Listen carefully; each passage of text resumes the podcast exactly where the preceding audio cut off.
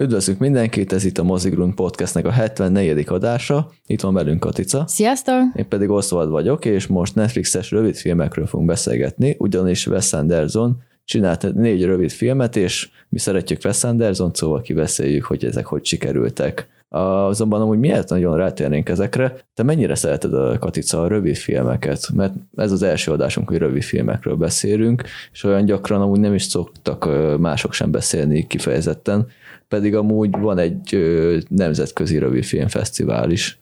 Több is van, Több is meg van. egyébként világszerte általában a, nem tudom, Wes Anderson is rövid filmmel kezdte, mindenki rövid filmmel mm-hmm. kezdi a filmes, vagy hát esetek 99%-ában rövid filmet készítenek először az emberek, még hogyha ez egy home videó is, de hogy általában ez az a hossz, meg terjedelem, ami úgy, úgy elsőre egy elég nagy falat annak, aki még nem talált ki, nem készített filmet, stb. stb. nem írt filmet, nem rendezett filmet.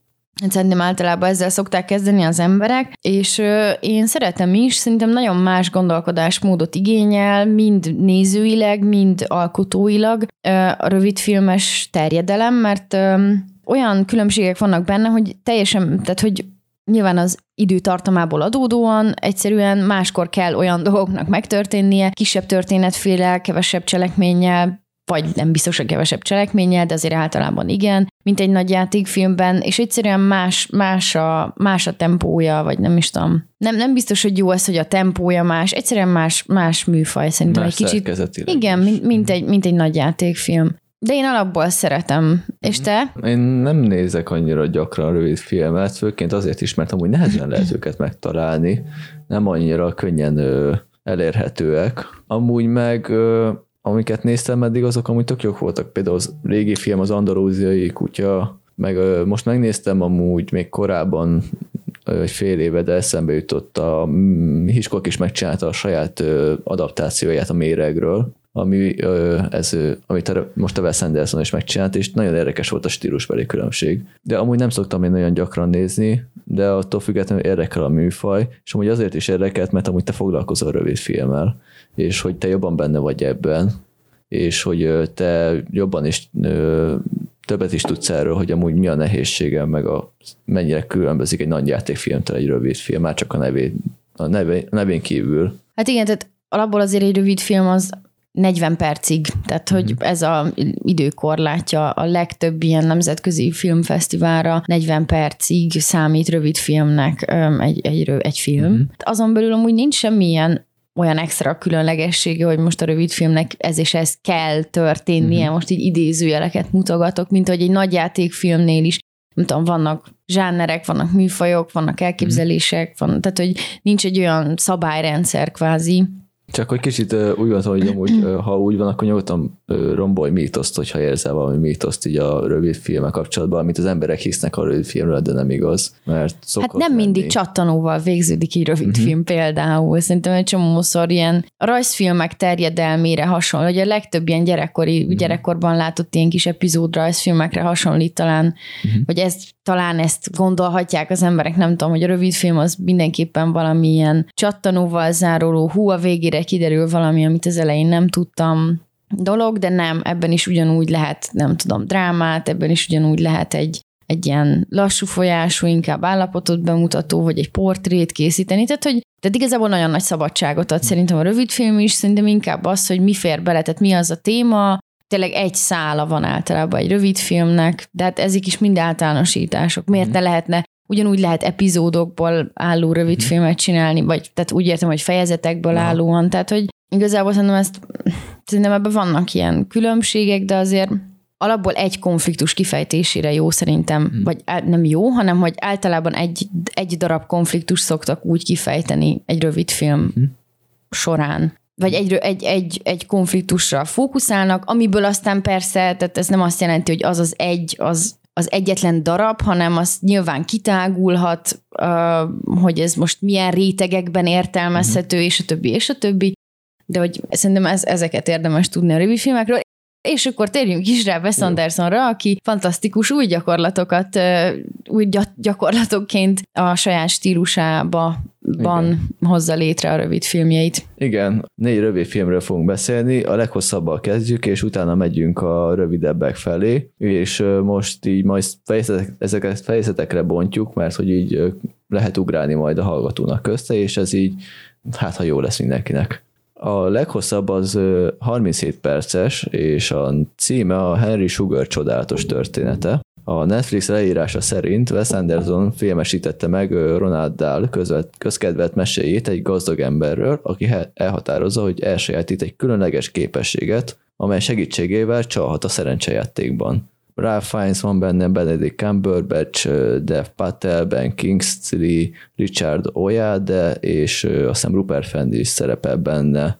A színészeket azért olvastam fel, mert szerintem amúgy az összes rövid filmre igaz, hogy olyan, mintha egy pici színházi színésztársulatot összehozott volna, és most mindenkivel leforgatta volna ezt a filmet kisebb, nagyobb szereplőgárdával.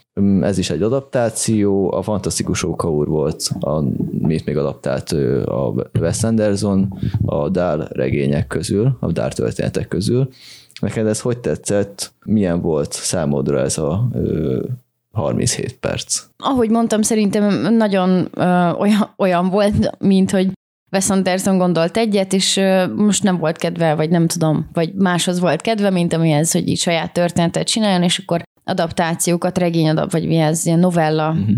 adaptációkat készített, és akkor amúgy szerintem nagyon, az összes, ami, amit így kiragadott, ezek nagyon filmre illő, és tényleg uh-huh. nagyon jó történetek. Talán ez a Henry Sugar élete annyira nem látványos, vagy nem tudom, szóval egy gazdag ember, aki aztán rájön, hogy annyira nem is akar gazdag lenni, vagy hogy nem ez a fő célja az életben, nem olyan, nem olyan izgalmas, talán, talán a, az a része az viszont igen, ahogyan a, a, az ember, aki a szeme nélkül is lát, uh-huh. tőle eltanulja a technikát. De igazából szerintem mind, mind az összes filmben nagyon-nagyon jellemző volt az, hogy ilyen nagyon színházias volt. Ugye ebben is a kamerába beszéltek rengetegszer, narráció volt, tehát tulajdonképpen saját maguk szövegét narrálták a színészek. Szerintem nagyon ez az ilyen bábszerű, színész vezetés, tehát ugye a színészek kicsit olyanok, mint ilyen beszélő bábok, egy kicsit ilyen lefagyott arccal, ez mm. itt is ugyanúgy megjelent, kompozíciók is, hát ilyen Wes Andersoni, nem Igen. tudom éppen, hogy aszimmetrikus, de nagyon szimmetrikusnak ható kompozíciók voltak. Amúgy ez a történet szerintem egy, egy tényleg egy ilyen kedves dolog arról, hogy, hogy az életednek mi lehet az értelme, vagy hogy hogy találhatod meg, akár úgy is, hogy nem számítasz rá, és ilyesmi. Szóval nekem tetszett ez a történet, vagy tényleg ilyen kedves volt. Az mindig rövid filmnél amúgy is ennél is külön jól esett, hogy hány éves kortól ajánlják. Na és ez, ez, ez mennyire jó már tényleg, Igen. szóval hogy így ez simán tényleg megnézheti egy gyerek, tökre érti, hogy miről van szó, még lehet, hogy jobban is élvezi amúgy, mint egy felnőtt. Uh-huh. Neked hogy tetszett?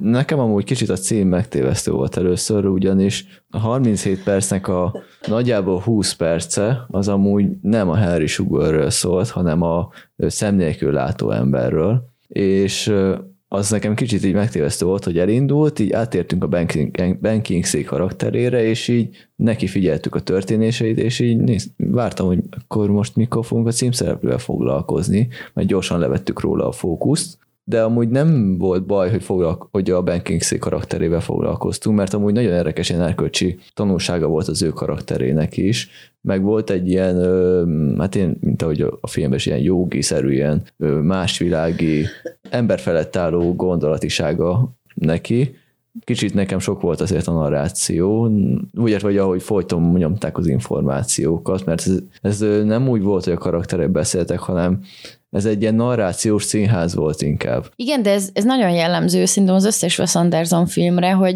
Igen, nagyon csak... sok szöveg hangzik el, nagyon hadarva, tehát hogy, hogy amiből igazából viszonylag kevés olyan információ van, ami tényleg hasznos, és az mm. mindenképpen elhangzik, de mellette nagyon sok ilyen körítő, mm. igazából leíró szöveg van, ami helyett tulajdonképpen te szemléled azt, hogy most éppen ki, ki bámul a szemedbe a képernyőről, igen, és igen hogy milyen elrendezésben vannak ott a dolgok, meg ilyesmi. Igen. Tehát ilyen technikai bravúrok vannak igazából uh-huh. szerintem benne. Alapból a, ez a történet is inkább egy ilyen mese. Egy Igen. mese Wes Anderson nyelvén elmesélve. Igen, igen. Engem nem szokott zavarni ezt a Wes Anderson féle nagyon gyors mesélést, csak kicsit sűrűnek éreztem amúgy néhány percnél, hogy egy perc alatt mennyi információt akar szövegesen a színész elmondani nekem. Emiatt nekem néha kicsit sűrű volt. Ellenben ami nekem kifejezetten tetszett, hogy mennyire jól használja ezt a színháziasságot a film. Nem csak a rövid film, hanem az összes, mert itt tényleg élő színház van, élő változás, fényváltozások vannak, kihasználják azt a technikát, hogy itt tényleg úgy érzem, mint hogyha egy színpadot látnál, és ott változik minden, vagy az egész tér, vagy leszűkítik fényileg a teret, mindenfajta érdekesség benne van. Ha színházas vagy, vagy színházba szoktál járni, akkor nagyon érdekes észrevenni, hogy, hogy rövid, rövid filmben látod azt, amit amúgy a színpadon szoktál látni nézőként, vagy alkot, színházi alkotóként szoktál csinálni, hogy most ö, szétválik a fal, vagy mozognak a díszletfalak, a díszletek, kilép a színész, és leszűkül a fény, és egy szűk körfény van csak ott,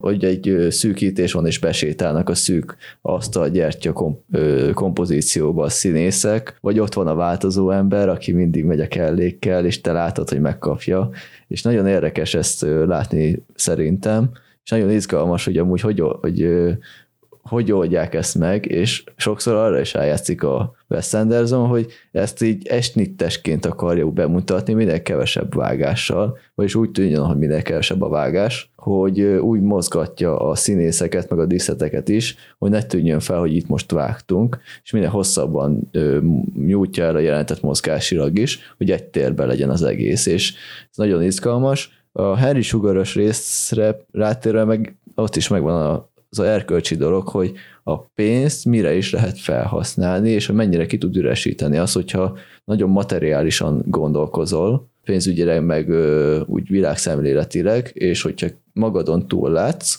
vagy túlnézel, akkor mennyi lehetőség van a saját eszközeidet használni, hogyha nem magadra akarod azt fordítani, nem másra. Hát igen, és ez szerintem egy szép erkölcsi tanulság amúgy, és egy szép olyan üzenet, amit igazából érdemes mindenkinek egy kicsit így, akár ilyen kedves mesésem, mint ahogy itt van elmesélve, de hogy, hogy az önös érdek fölött boldogabbá válhatsz, hogyha másokat szolgálsz a tehetségeddel és a tudásoddal. Tehát tulajdonképpen egy ilyen, ilyen jellegű üzenet, akár ebben is megtalálhatod a, az életed célját, értelmét, örömét, hogy nem a saját jóléted van feltétlenül az első sorban második rövid film, amit a Wes Anderson csinált, az a Méreg címet viseli, 17 perc, harmad olyan hosszú körülbelül, vagy hát fele olyan hosszú, mint a Henry Sugar volt. Itt a sztori röviden annyi, ez egy kamaradráma konkrétan, mondjuk úgy, hogy egy férfi egy alvó mérges kígyót talál az ágyában. Pont.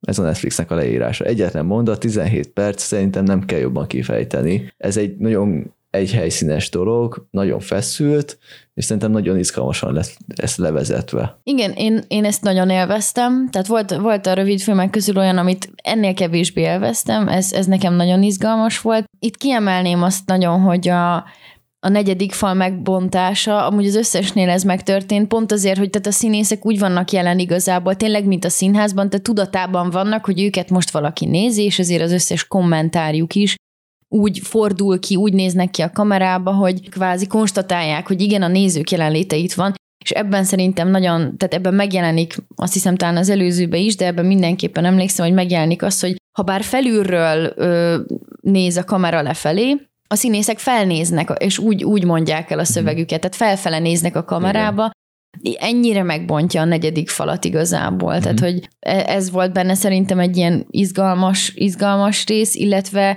magában a történetben szerintem ez egy szuper történet, mert nagyon-nagyon tényleg ugyanolyan mesésem, mint a Henry Sugárban, de hogy a, az ilyen bénító félelmeinkre ad valamilyen allegóriát. És ez, ez kedves, meg ez szép, meg erre is úgy jó, jó rá gondolni. Igen. Néha. Meg, igen, meg amúgy tényleg felvetődik, hogy a félelmeink például mennyire valósak, amiket gondolunk, hogy bennünk vannak, vagy rajtunk vannak ez esetben, hogy tényleg ezek mennyire valósak, és hogy mennyire kiterjesszük esetleg ezt a félelmet, ami bennünk van a mások felé, hogy azok közül valaki segítsen, és hogy el, hogy el akarjuk-e mondani, hogy amúgy ez, az a félelem amúgy nem biztos, hogy valósan nem bennem van, vagy hogy van-e olyan szintű paranoia, ami például fizikálisan egy kígyó formájában amúgy az ember szem előtt lehet. Mármint az a szintű paranoia, amit már elhisz, hogy ez valóságos.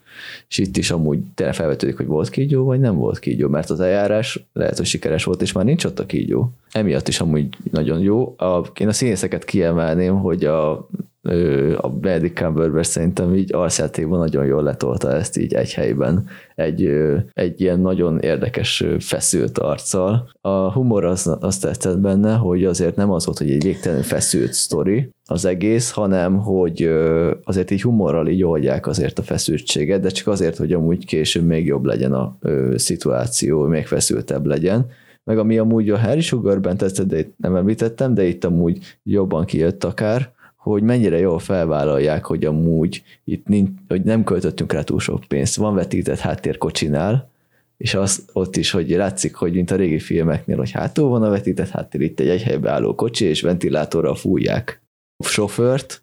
A díszletek is itt nagyon jól lettek használva, és nem az volt, hogy ilyen olcsó volt az egész, hanem izgalmas, hogy amúgy milyen ö, hétköznapi módszert találtak ki, hogy most éppenséggel megoldjanak valami Igen. nagyon látványos Igen. dolgot. Hát és ez, ez ugyanúgy azért behozza azt, hogy vajon mi számít jobban, a hogyan, vagy a mi. Tehát, hogy Igen. vagy a kettőnek a kiegészítés, és szerintem Wes Anderson ebben az egész kis rövid filmes sorozatában, meg úgy amúgy is, de ebben szerintem különösen azzal, hogy kicsit behozza ezt az ilyen analóg hatást, a, a színházias hatást, a régi filmes hatást, az egész egy ilyen gyarmat, gyarmati környezetben játszódik, a gyarmatosított uh-huh. Indiában valószínűleg, vagy valami olyan területen játszódik, azért ez a dolog. Uh-huh. Az összes rövidfilm, nem talán a hattyú az nem, de a ez biztosan. Nem. És hogy ilyen módon a kommentátor, vagy tehát a, a, akinek a szemszögén, vagy aki az eseményeket leginkább így végigköveti, uh-huh. az is egy indiai származás, vagy egy indiai srác, aki ott aki végül is ott elmondja a Igen, dolgokat, a... és a, a Henry Sugárban is ugye nagyon áttételesen, tehát ez is, a, ez is egy ilyen Wes Anderson fogás többek között, tehát nyilván nem csak ő használja, de hogy ő sokszor használja azt, hogy az író is megelevenedik. Tehát Ralph Fiennes alakjában néha ő is beleszól a történetbe, mint író, aki ugye megírta ezeket a történeteket.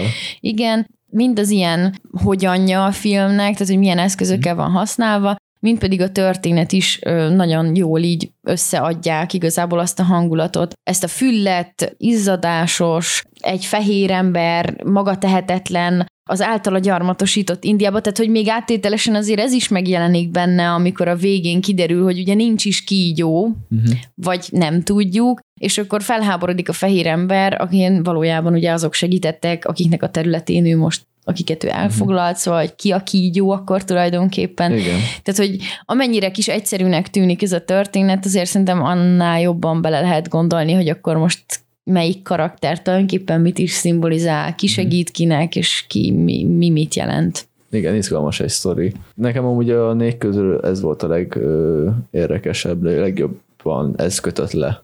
És úgy, hogy 17 perc, és amúgy nagyon jól kihasználja ezt a rövid időt és nagyon, tényleg nagyon izgalmas. A harmadik rövid film, amit a Wes Anderson csinált, ugyanúgy 17 perc, a Patkányfogó címet viseli. Itt röviden arról szól, ezt kiegészítettem a, itt kiegészítettem a Netflixnek a leírását, hogy egy profi rákcsáló, rákcsáló írtót hívnak, hogy megoldja a helyiek rákcsáló okozta problémáját röviden tényleg erről szól. Jön hát a... mert persze itt, tehát na, itt is valahol, na igen, tehát hogy az előzőnél abba hagytam, úgyhogy hát, uh-huh. hogy a a, hogy a mi, hogy mit mesél el, de hát most végül is ezek alapján, a leár, leírások alapján ez lehetne valami baromi unalmas, de nem az, pont, és pont azért nem az, mert Wes Anderson rendezés, az ő stílusa megjelenik ebben az egész történetben. Igen, itt már ebben nincsen benne Benedict Cumberbatch, de helyette Rupert Friend a főszereplő, úgymond ő vette át a stafétát. Én nekem amúgy nagyon érdekes volt ez a sztori, egyrészt amúgy staff motion volt benne, én imádom a staff motion annyira jó volt az a patkány ott, nagyon király volt, meg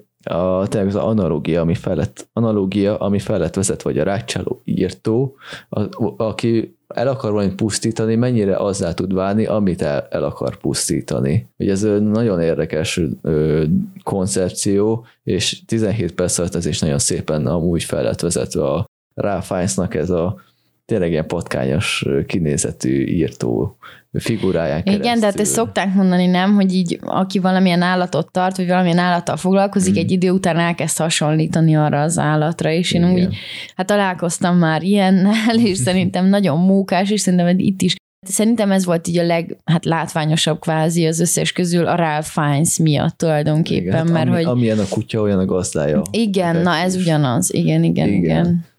Nekem amúgy az is érdekes volt, hogy amúgy itt mennyire tényleg, hogy még jobban rájesztetek, hogy van, hogy a állatot, így élő állatot nem mutatják be, és így pantomineznek dolgokkal, mert nincs rá kvázi pénz, vagy direktbe bevállaljuk, hogy most nem volt rá pénz, és képzeld oda. A másik, hogy mennyire jól fel lett a végén amúgy itt vezetve az a konfliktus, ami a patkány és az írtó között van, és a fények ott nagyon-nagyon hatásosak voltak nagyon szépen így maszkírozva lett a fény által a, amúgy is maszkírozott Ralph az a rákcsáló írtó. Tényleg elhittett, hogy az egy, az itt tényleg ez egy rákcsáló. És a végén meg kihozták egy ilyen poénra a medvecukorral, az meg nagyon jó, nagyon jó feloldotta azt a ö, kicsit ilyen... Mm, hát ilyen undorkeltő undor, feszültséget, igen. igen undor igen, érzést, igen. hogy amúgy ez ne vett komolyan, ő, is, ő se akarja komolyan vedd, de amúgy ez egy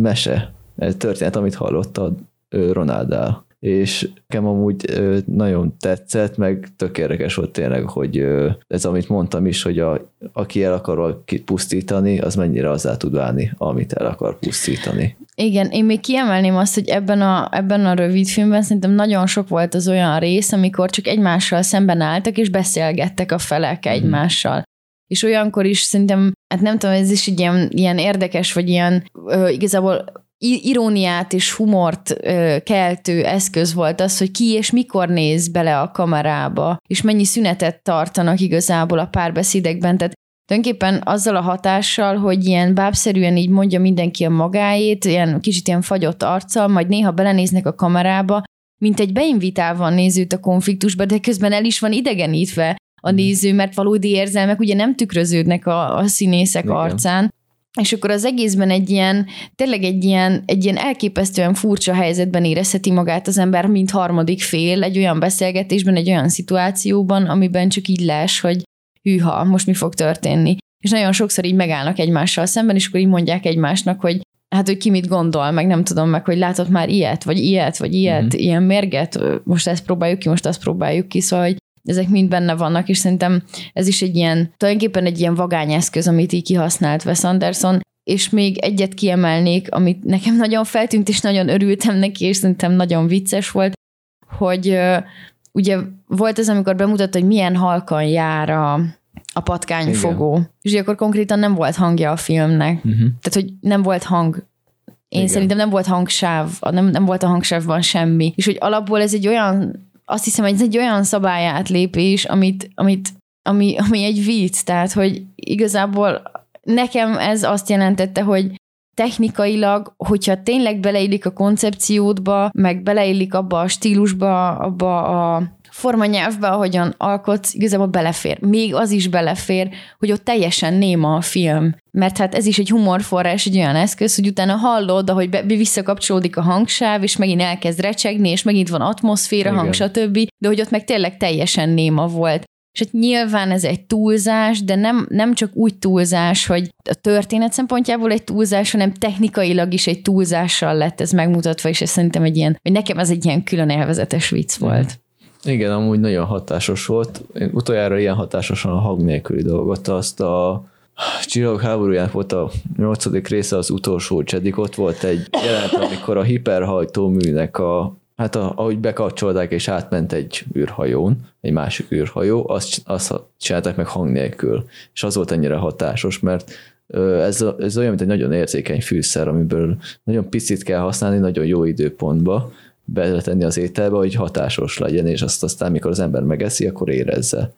Persze, de hát szerintem sokszor használják amúgy azt, hogy pont aminek ilyen nagy hangja kéne legyen, most lásd Oppenheimer, felrobban az atombomba, full csend van. Csak hogy szerintem ennyire lenémítani, mint ami itt volt, hogy tényleg konkrétan nincs hang, semmilyen Igen, hang igen. nincsen, még atmoszféra hang se, tehát nincs még az a kis zúgás se, ami Mhm. szokott lenni ilyenkor. Fehér Zoli. Igen, tehát hogy szerintem ez még egy ilyen kacsintás Wes Andersontól. Igen, meg amúgy a Wes Andersonnak ez is szerintem a, az egyik olyan része, amit az emberek nagyon szeretnek, hogy ő az ilyesfajta dolgokat, a direkt bebeszélés, a ha- hangot így kivágom dolog, az nála nem ez a fellenzős művészkedés, hanem ez a vagánykodás, hogy ő, ilyen vagány, hogy amúgy én, én én ilyen vagány vagyok, hogy én amúgy a színészeimet direktbe, beszélt, direktbe beszéltetem feléd, és, a színé, és tudja, hogy a néző nem úgy fog érezni, hogy oké, okay, ez most valami művészkedés, hanem hogy azért ez elég menő. Hát és hogy igen, mert beinvitál igen. téged amúgy egy ilyen rövid történetbe is, és te úgy érzed, hogy amúgy te menni akarsz vele, és ezt a rendező nagyon jól el tudja érni. Igen, és én még egy dolog jutott még eszembe, hogy tulajdonképpen az az tehát az író, akit kiválasztott, valószínűleg nem véletlen, hogy ettől az írótól választott történeteket, mert hogy az írói hang nem is, most azok alapján a narrációk per szövegek, monológok, stb. alapján, amik elhangzottak a rövidfilmekben, az alapján maga az író is nagyon ilyen megfigyelő státuszból ír, meg ilyen um, nagyon ilyen kommentátor módjára ír, és hogy pont ehhez a kamerába beszélős, a dialógusokat akár monológszerűen elmondó stílust, stílus is szolgálja, tehát oda-vissza hatnak igazából. Tehát ez nagyon jól illeszkedik az ilyenfajta történetmeséléshez, azt hiszem. Hát, mint Ridley Scott esetében a Philip K. Dick, egy ők ketten így nagyon jó a, páros tudtak alkotni, és szerintem ez van Wes Anderson meg a Ronald Dahl esetében is. Utolsó rövid film, amit a Wes Anderson csinált a Netflixnek, az a Hattyú, 17 perc ez is. Ez meg röviden arról szól, hogy két nagy darab tudatlan tini kegyetlenkedik egy szüntelen egy kisfiúval. Röviden erről szól. Klasszikus bulingolás Wes Anderson stílusban. És szerintem nagyon személyesen, nekem ez volt a leg, legszomorúbb film az összes közül, és a leginkább olyan, hát szinte ilyen, nem tudom, tényleg ilyen, ilyen trauma feldolgozónak tűnt kicsit ez a film, vagy úgy nagyon el tudtam képzelni, hogy, hogy ilyen lehetett megélni Wes Andersonnak mondjuk, hogy ő kicsit ilyen különc fiú volt, de nem tudom, mm, ebben szerintem nagyon-nagyon jól kijöttek ezek a, a háttér, háttér dolgozók, uh-huh. de hogy mondtad őket, változó. Hát változó színé, változó, hát inkább, mm, inkább ö, De fogalmazunk egyszerűen kellékesek Kellékes, és díszletesek. Tehát, hogy, Igen. hogy ebben szerintem tényleg nagyon parádés volt, ahogy nyitották az ajtókat, csukták az ajtókat, hozták a kellékeket, stb. Szerintem itt, itt ez nagyon, nagyon szépen volt használva, mint egy úgy, hogy itt most van valami fontos, valami, ami fájt, ami nehéz is talán elfogadni, hogy fájt annak idején, talán ilyen hangneme van a történetnek, és ehhez mint egy, mint egy tényleg így mindenki, aki ott van, mint ahogy mondjuk egy színházi előadásnál is szokott lenni, ugye mindenki azért dolgozik a háttérben, és azért küzd, hogy valami el tudjon ki tudjon fejeződni, valamit el tudjon mondani az, aki el akar mondani. És úgy itt szerintem nagyon, nagyon volt. Uh-huh. Nekem egyrészt elég személyes volt ez a sztori, mert engem is bulingoltak korábban.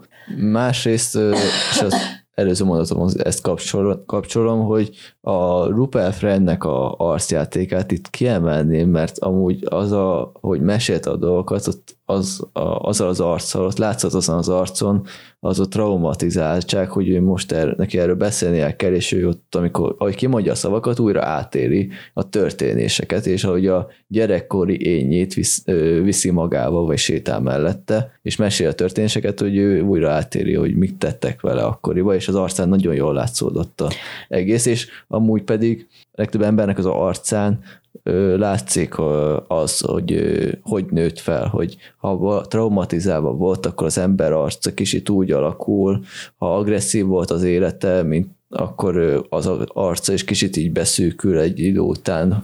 Esetleg sok embernél láttam azt, hogy a, az életének a történései az arcára kiülnek egy mm. idő után, főként, hogyha nagyon traumatizáltak, vagy nagyon súlyosak. Van az a film, a háborús film, a Jöjj és Láss, Mm. Abban volt, hogy a színésznek az arcára borzasztóan kiült a trauma, amit a háborúban megélt, és most volt a, most a ukrán háborúval kapcsolatban is volt egy fotópályázat, kis készültek fotók, és ott is voltak olyan arcok, amik ott volt a gyerek, és látszott, hogy amúgy néhány hónap alatt tíz évet öregedett mert annyira nagy trauma érte, és kisebb mértékben, de amúgy ezt vettem észre a Rupert Friend karakterén is, hogy így, ahogy átéri ezt, át, újra átélte ezeket a dolgokat, hogy így rá, rásütött az arcára újra az egész. Én azt emelném ki az arcjátékából, hogy szerintem az itt fantasztikus egy, egy snittesek uh-huh. voltak, vagy ilyen hamis egy snittesek, uh-huh. nem tudom, de hogy ahogyan eltorzította az arcát, és utána ugyanúgy vissza tudott térni ebbe az ilyen kicsit robotszerű, vagy bábszerű, ilyen neutrálisba, és darálta tovább, darálta tovább a történetet, nagyon gyorsan,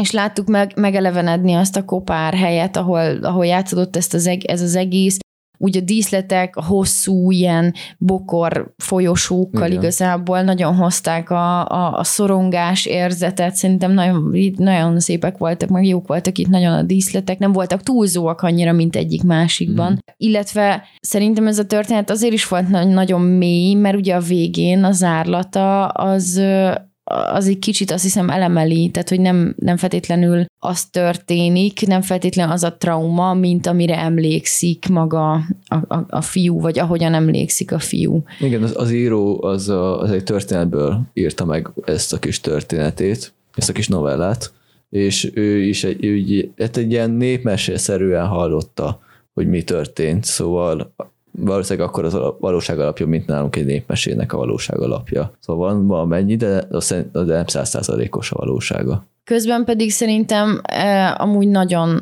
nagyon-nagyon um, ilyen hát groteszk, de ijesztő is, hogy a, hogy a gyerekek milyen kegyetlenek, tehát és hogy hogyan fejeződik ki ebben a filmben, hogy a gyerekek mennyire kegyetlenek tudnak lenni egymással. Szerintem nagyon, nagyon megható a vége az amúgy, igen. igen. És amúgy egy kicsit Andersen és Grimes igen. az egész stílus, igen. Amiben, ami végig megy, hogy... Meg a szimbolikája is szimbolika szerintem. is, meg tényleg azt, hogy amúgy a hattyú, és akkor a végén meg ott vannak a szárnyak, hogy, és hogy repül, és hogy az, hogy amúgy ő nem tudna repülni, nem, ez a szép dolog nem jön létre, hogyha nem születik meg benne, a, meg vele a tragédia és a kettő mennyire tud kapcsolódni, és a szépségnek mennyire része a tragédia is az ember életében, és ha belegondol valami szépbe, és mögé lát, vagy mögé akar látni, akkor befelfedezi, hogy amúgy mekkora fájdalmak vannak a szépség mögött, mint minden alkotókban. Ugyebár valami zenét meghallgatsz, nagyon szép, meg már szinte sírsz, és mint, mint, mint a nirvánánál is vannak dolgok, és belegondolsz, hogy Kurt milyen élete van, meg mit érzett például, és érzed, hogy amúgy ez egy trauma volt neki. Amit hát igen, tehát a fájdalom is lehet inspiráció igen. igazából. Na, én szerintem nem, azért nem feltétele annak, hogy valami szép szülessen, de lehet, az, nem, lehet a nem feltétele, lehet inspirációs igen. forrás végső soron, igen. igen. Ez egy alkotói folyamatnak egy része egy módszertan, hogy így is lehet alkotni, de máshogy is lehet. Ez nem egy kötelező, a fájdalom nem kötelező része az alkotásnak, mert akkor ott fogunk kikötni, hogy egy poro, hogy a poroszos módszerrel szenvednek az emberek, hogy valami szép jön létre. Ez meg igazából... Hát nem tudom. Az, uh... meg, az meg embertelen, szóval szerintem ez csak egy lehetőség, hogy hogyan lehet alkotni. Hát meg azért ez szerintem ez hogy nem fenntartható összességében. Igen. Tehát ez, én, én ezért mondom, hogy embertelen, ja. hogy ez embertelen, hogy most így ö, akarjunk alkotni, hogy szenvedünk. Ez nem normál. Igen, de szerintem nem ez a film, ez, ez, igen, de hogy ez a film szerintem kevésbé arról, hogy most alkotás, nem alkotás, hanem hogy, hogy a gyerekkori emléknek az útvesztői tulajdonképpen mhm. azok, azok hogyan maradnak meg. És ez a fájdalom, amikor már távolság van, mégis mennyire tud megelevenedni, és mennyire, em, em, mennyire torzul, és mennyire, mennyire maradhat meg élesen és fájdalmasan egy ilyen gyerekkori, nem tudom, bullying szituáció, amikor hát akár azoknak is izgalmas lehet, vagy azoknak is talán egy ilyen időutazás lehet, akik a másik oldalon voltak, bár gondolom a legtöbb ember azért élt át olyat, amikor ő lett megalázva, vagy amikor ő mm. került olyan szituációba, ahol kényelmetlenül érezte magát, és hogy vajon, nem tudom, megtalálta a szárnyait, amikből, amikkel kirepülhet a szituációból, vagy nem.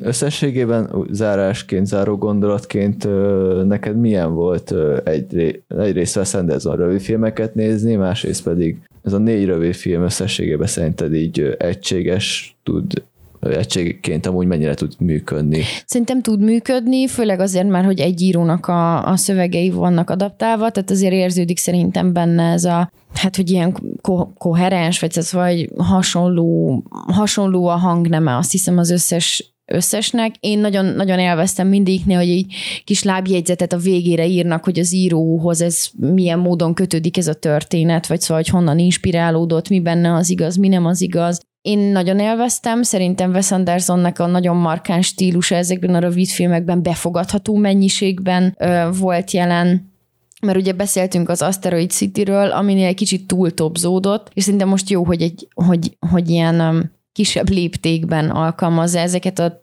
fogásokat, mert ugye annál azt beszéltük, hogy ott nem, nem működött, vagy nekem legalábbis annyira ott nem, nem működött, viszont Meg ezekben végre, tehát ezekben a rövid filmekben azok a, azok az izgalmas, egyedi ö, formanyelvi fogások, meg, meg rendezésbeli fogások, amikre, amik őt jellemzik, ezek szépen ki tudnak bontakozni.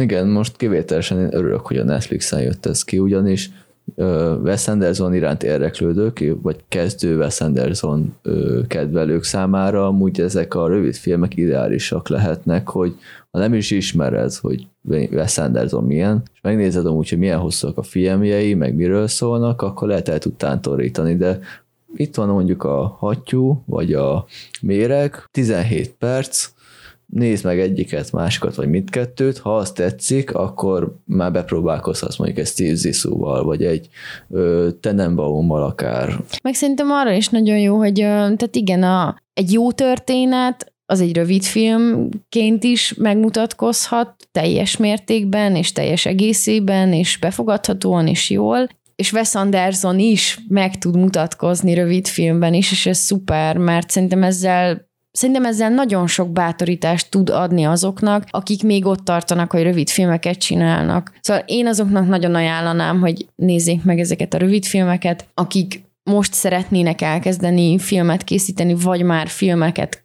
filmekben gondolkodnak, rövid filmekben gondolkodnak, mert szerintem ezek nagyon-nagyon nagyon-nagyon koherens, nagyon következetes rövid filmek. És ahogy látjuk, nem sok technikai, tehát azért, de ahhoz képest elég sok technikai, meg nem tudom milyen részlettel, de hogy, de hogy azért nincs ö, tele, tele, tele, tele, tele tolva ö, mm. pénzzel.